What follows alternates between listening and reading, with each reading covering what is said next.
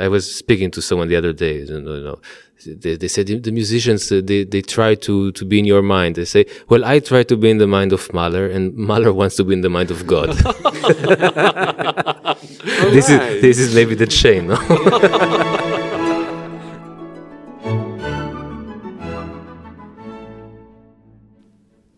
Op 41-jarige leeftijd, ja jongens, jullie hebben het goed gehoord, trouwt Gustav Mahler, nog maagd, vier maanden na de eerste kennismaking met de toen 22-jarige Alma.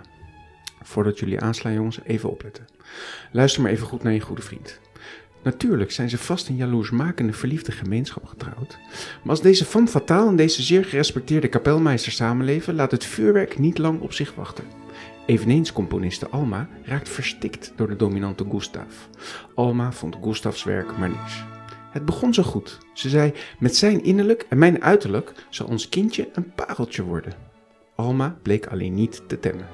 Als ze bijvoorbeeld in een kuuroord iemand tegen het schone lijf liep, had ze al snel een affaire te pakken. Even niet opletten en het was al gepiept. Het was dus niet vreemd dat Gustav was gevallen voor de lekkerste Googlehoepf van Wenen. Dat zouden er nog vele anderen namelijk ook doen. Klimt, Zemlinski, Kokoschka, Wervel, zomaar een kleine, snelle greep uit de indrukwekkend kunstzinnige cv van deze magnetisch mysterieuze vrouw. Maar pijn, verdriet en ondraaglijk verlangen is niet iets om jaloers op te zijn. Mijn advies dus jongens, mocht het even op zich laten wachten, overweeg het maar niet zo'n inruilactie en koester jullie lieve vrouwtjes maar. Tenzij je muziek wilt schrijven met apocalyptische visioenen, manisch wisselende stemmingen, alle mogelijke natuurkrachten die de luisteraar brengt bij onmogelijke en onhandelbare emotionele ervaringen. In dat geval zal ik je steunen. Vriendschap is namelijk sterker dan voorwaardelijke liefde. Wauw, ik had echt uh, moeite met lachen in te houden. Prachtig. ik ook.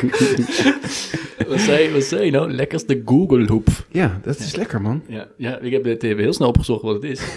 het is een, dit is een tulband. Ja, je maakt ervan wat je van wil maken. Dat is allemaal goed. Mooi. Een, uh, een Oostenrijkse tulband.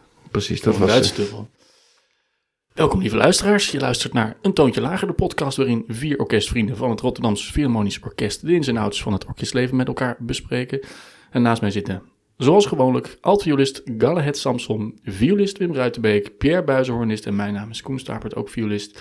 En met elkaar bespreken we wat er op en achter het podium gebeurt. Een kijkje onder de motorkap. Dit is Een Toontje Lager. Jongens, hoe is het ermee?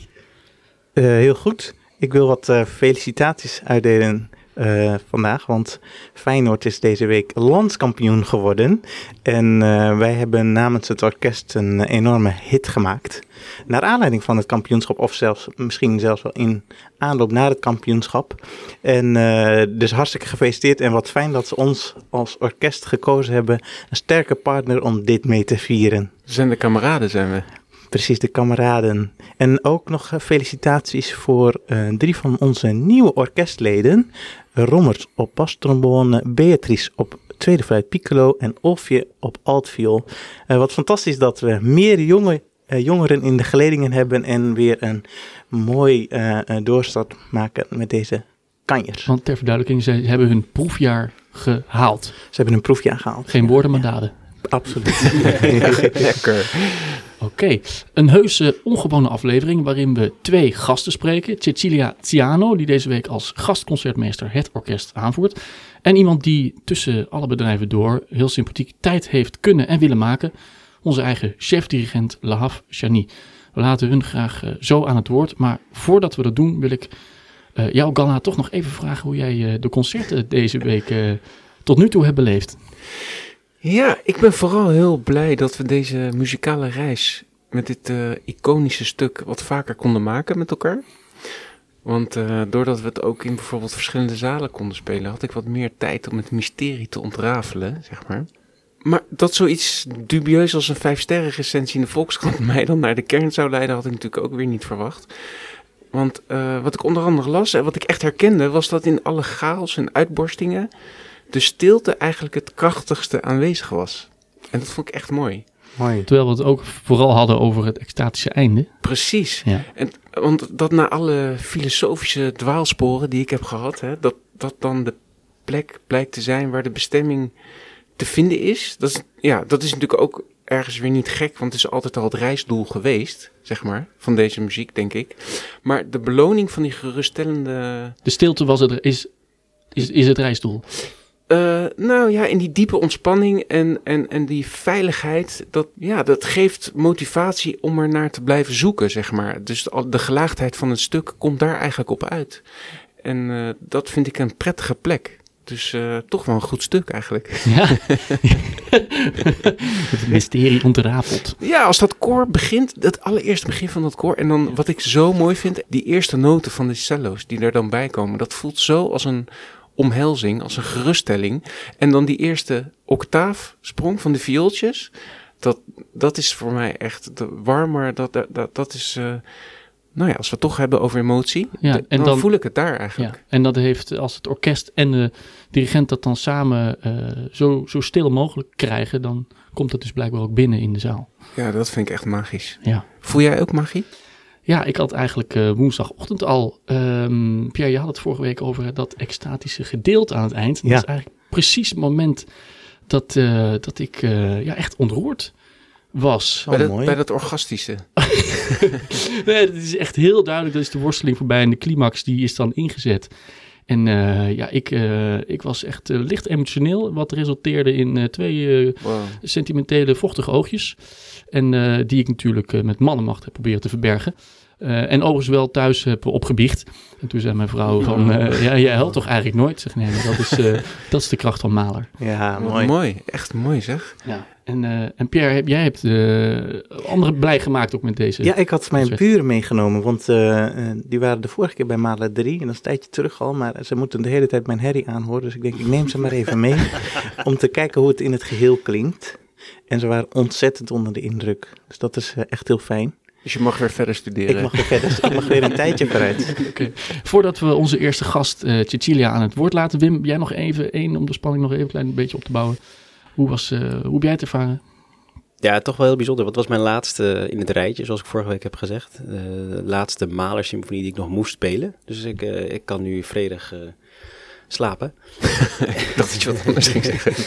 Ehm, nee, het is eh, wel echt een fantastisch werk. Er zijn twee dingetjes waar ik, eh, ja, die ik toch graag wil benoemen. Eigenlijk twee kleine shout-outs. Eh, allereerst naar het koor, het Laurens Symfonisch. Fantastisch. Eh, en dan met name de bassen. Vandaag, we hebben net een voorrepetitie gehad voor het laatste concert. En ja, dat vind ik zo prachtig. die, die, die gaan er helemaal doorheen. En, en, en ja, dat komt, dat komt bij mij dan best binnen, moet ik Moet zeggen. dat toch heerlijk zijn om zo'n basstem te hebben? Ja. Ja, dat, ik heb dat duidelijk niet.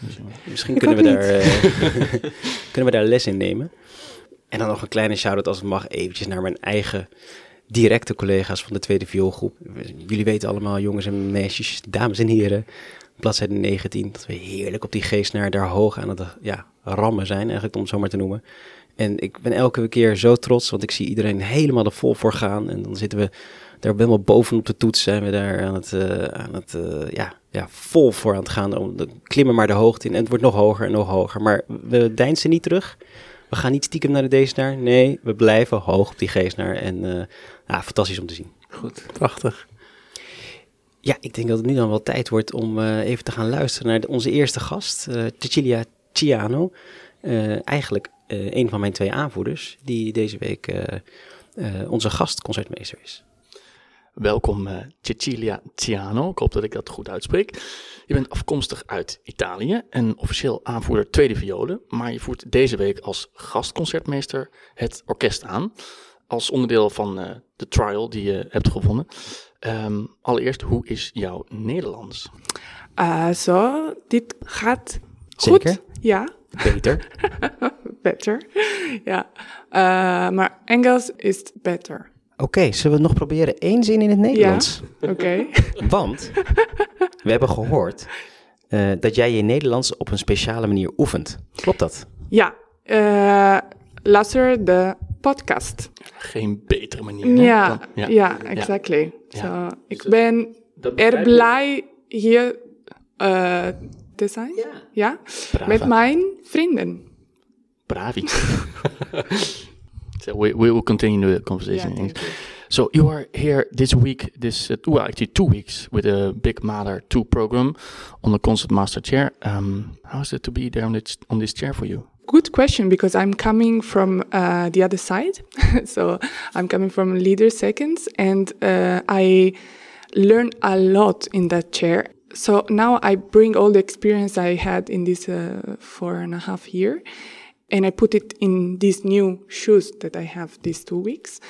I find it a um, precious way to explore and um, um, let's say to to expand my my knowledge and my feeling as a musician. So I find it very exciting and uh, new, but in a very nice way.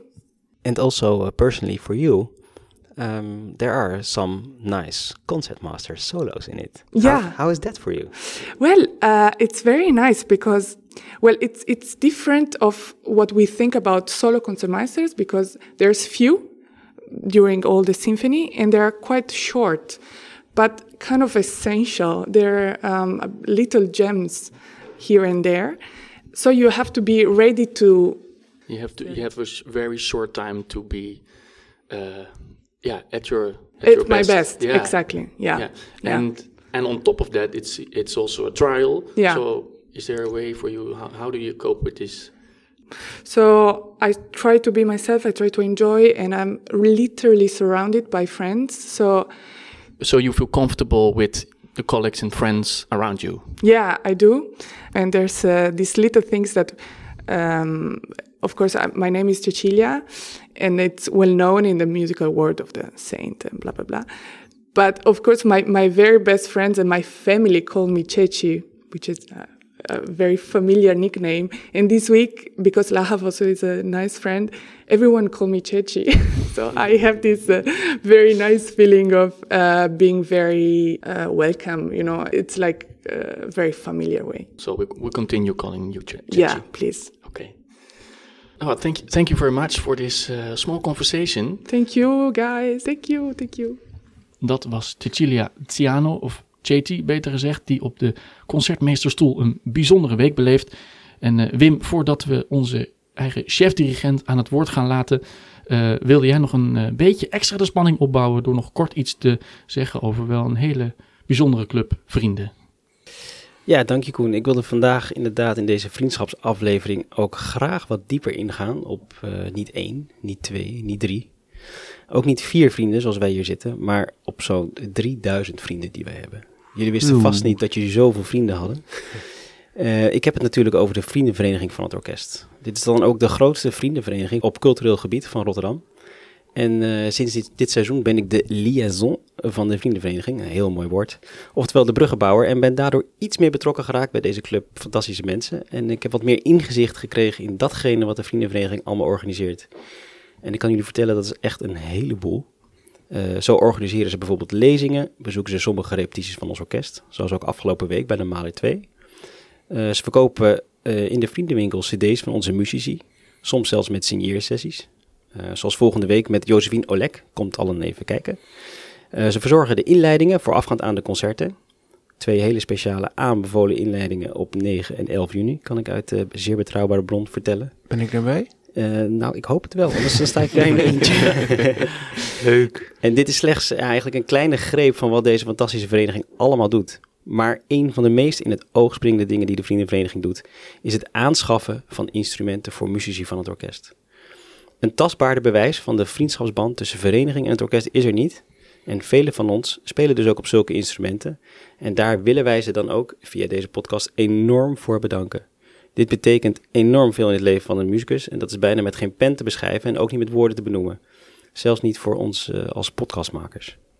Daarom zouden we tegen de luisteraars en de fans willen zeggen: word lid en ga naar www.vriendenrpo.nl en lees daar nog meer over alle voordelen die er zijn voor de vrienden zelf en de voordelen die wij als orkest door de vrienden ontvangen. Dank, dank, 3000 maal dank. Dit gezegd hebbende lijkt het me een goed idee om over te schakelen naar onze laatste speciale vriend in deze, in deze aflevering. Lahav Shani, die Koen en Gala afgelopen zondag na afloop van het herdenkingsconcert gesproken hebben. Oké, eh, lieve luisteraars, we hebben beloofd om te proberen onze chef-dirigent Lahav Shani hier aan tafel te krijgen. En dat is gelukt. Dear Lahav, thank you for being here. My pleasure. First of all, how are you? Very, very well now after performance. We played uh, Mahler 2. Is it right that uh, this is the first time you conducted this symphony? This week is the first time, yes. Yeah. Today we had this, what is the third concert already? Fourth concert, that's it. yes. Yeah. So how, how is this uh, how is this Mahler symphony for you to perform? Well, it's one of these pieces I always wanted to do. First time I really get to know it, I played double bass myself with Israel Philharmonic on one of the very early uh, appearances of Gustavo Dudamel uh, with big orchestra. I think it was 2007, maybe. And, uh, you know, the very beginning, this very almost brutal kind of playing of the Chilean basses.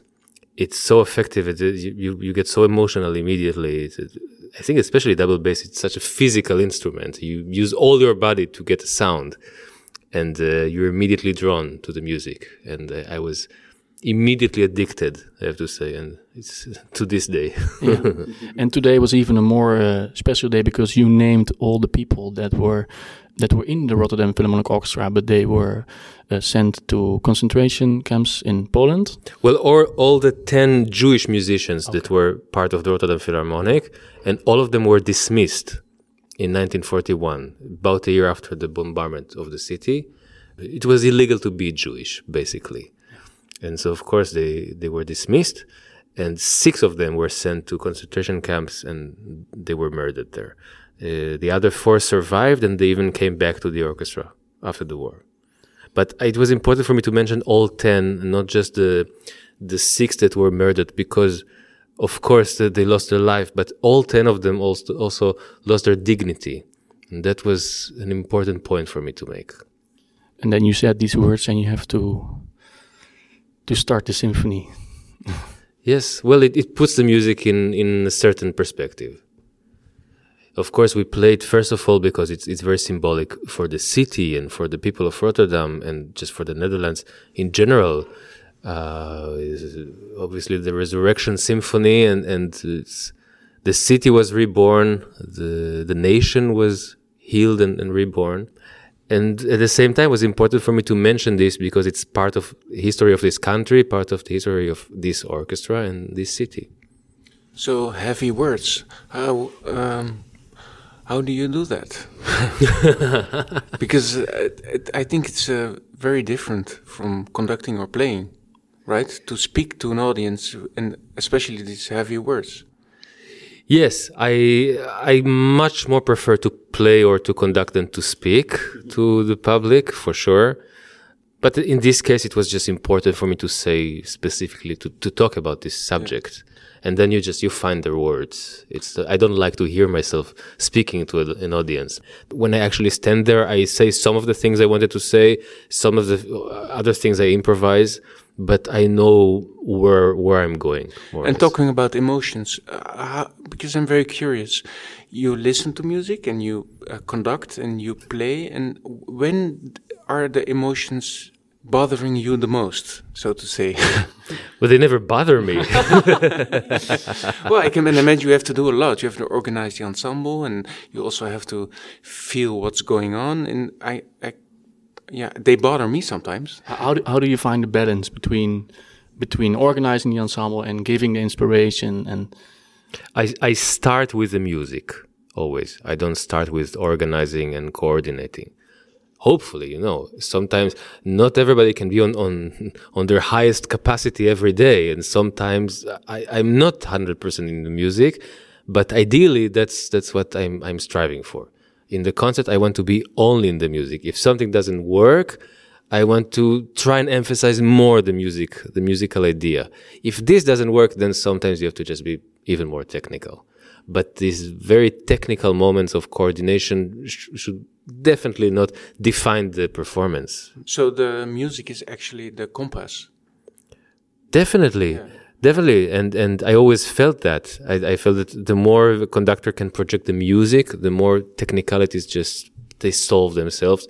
And by the way, I, I feel because I'm I'm I'm also still playing myself. I'm, I'm, a pianist, and I played quite a lot of double bass in my life. And I feel the more you concentrate on music, the the more the better your technique becomes. Of course, when you work at home, you, you need to solve problems and, and think and analyze. But in the moment of the concert, the more you think about exactly how I want to sound right now, what do I want to do, the, your hand just knows where to Yeah, go. yeah. And and in this symphony, because everything is is there, right? And I'm always thinking when we play the end, uh, like the last uh, eight minutes or so, what what that does it mean? I mean, where does it? What what what's the actual? What do you think? What's the meaning of the end? It, you know what? It's it's so it's such a, a deep feeling for a human being to to to find meaning in life, and uh, of course, Mahler was preoccupied with death all of his life, and and generally drawn to the to the dark. I find. Um, exactly what does it mean? I think it's just an expression of of a very personal a very personal um, kind of emotion, but it's not supposed to to be specifically about anything. I think anybody who listens to it can relate to it be- because it's it's it's it's about us. No, it's about what we all feel. We we all struggle in our life, and we all try to find meaning. And uh, the emptiness of death is a huge question for us. Then wh- why are, are we even bothering? But then when you get to these final moments and, and the beauty of it and the light of this, just the, it, it, it proves the necessity of the struggle of an hour and a half that you went through before. So we shouldn't analyze too much. Generally not. Yeah. Okay, um, we have been lucky to have you as our chief conductor for some years now, and the Rotterdam Phil is the first orchestra that uh, you have been chief conductor. Um, how have you experienced that special job till now? I learn all the time. I learn every day. And um, where you know, I, I thought when I started the job that I will learn more and more about music and about conducting and about how an orchestra works. But the more we went through the years, I learned more about people and about how how people work in a group and how they feel and what bothers them, what are their problems, musical problems and, and just human, simple human uh, problems uh, that they have to deal with. What can I do to just make it a little bit easier for them? Uh, and get them closer to to my mind or closer to the music the, the way I feel is the right way. Because I, I was speaking to someone the other day, you know, you know, they, they said the musicians uh, they they try to to be in your mind. They say, well, I try to be in the mind of Mahler, and Mahler wants to be in the mind of God. this is this is maybe the chain. No? So uh, funny that because we had uh, s- a little disturbance of a phone going off uh, in the end of the movement. So maybe it was Mahler himself. so- to- to- I think he called to say it was good. yeah, exactly. It was well done. Yeah. So you're, um, yeah, you're not only the conductor, you're also part of the. You feel that you're part of the family. Yes, and generally, I, I became a, a conductor because I wanted to be a real orchestral musician. I mean, I think for some people it's a contradiction what I just said, and there is an orchestral musician and there is a conductor, and it's like another animal. But I still feel like I'm an orchestral musician, and when I conduct the orchestra, I don't feel like I'm I'm an outsider telling the group what to do, but but uh, rather part of, of this chain. And I like to think a lot about the word conductor in different languages. It means it has different connotations in every language. Like in German, Dirigent is okay. Uh, it's also in Dutch. In Hebrew, it means something else. Menatzeach. It means uh, um, successful or or victorious. But it's a biblical word, in fact Better. Better. um, in in French, chef d'orchestre, I think about food immediately. but I have to say that my favorite word is the English one, conductor, because this word makes me think about physics. And in physics, you have a material, you have potential of energy, energetic, energetic potential, and you need a conductive element to close the circuit, right? So I don't, I don't think that the conductor creates energy. I think that the energy is there. It's waiting to be, to be moving, to be flowing. You just And- end it. and the conductor is like this little piece of metal that, that you put there. And once it's there, then the whole thing is, is flowing. But so it's an important part of the circuit, but it's still a part of it. It's not from the outside. This is how I like to think about it.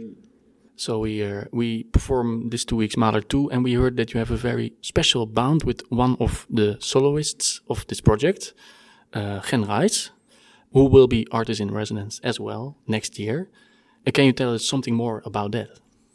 Yes, well, you know that my father is a choir conductor and he formed a choir about 40, 30 or 40 years ago.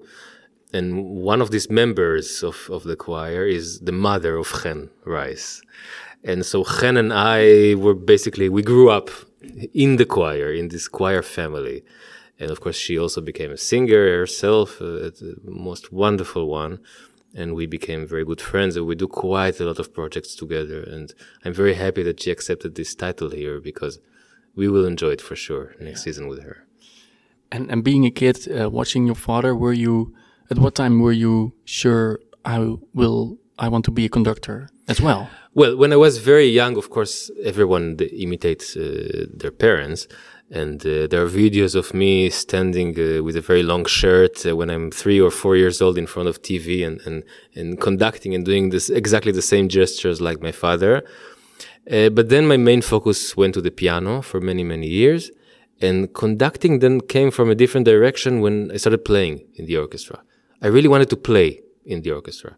I was drawn to the music, to, to the repertoire, to just playing with friends, with being with many musicians together on stage. And that's why I started playing double bass when I was 15.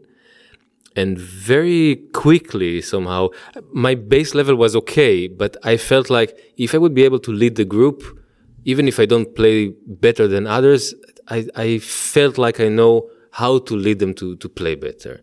And finally, I was able to lead.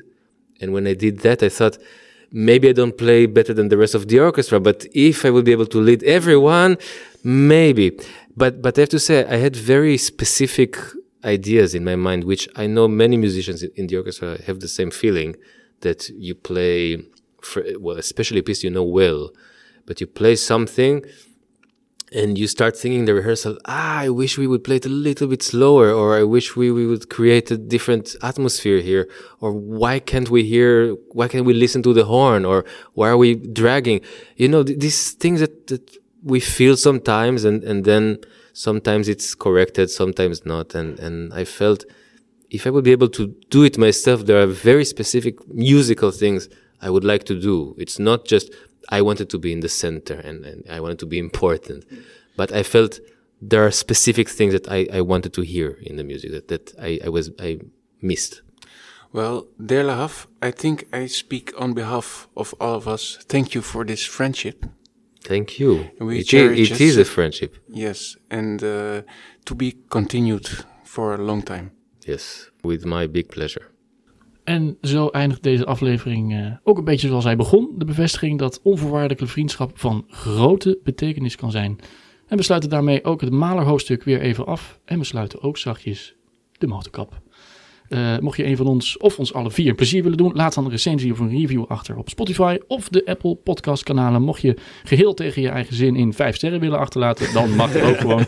Zes? Zes. En, en alle reacties, ook over het gesprek met Cecilia en onze chefdirigent Laaf Janie, kunnen naar reactie.eentoonтjelager.nl. Volgende week donderdag, dan zijn we er weer om 8 uur 's ochtends, weer met een nieuwe aflevering. Ta -ta -ta -ta. Dit was een toontje lager. Tot volgende week.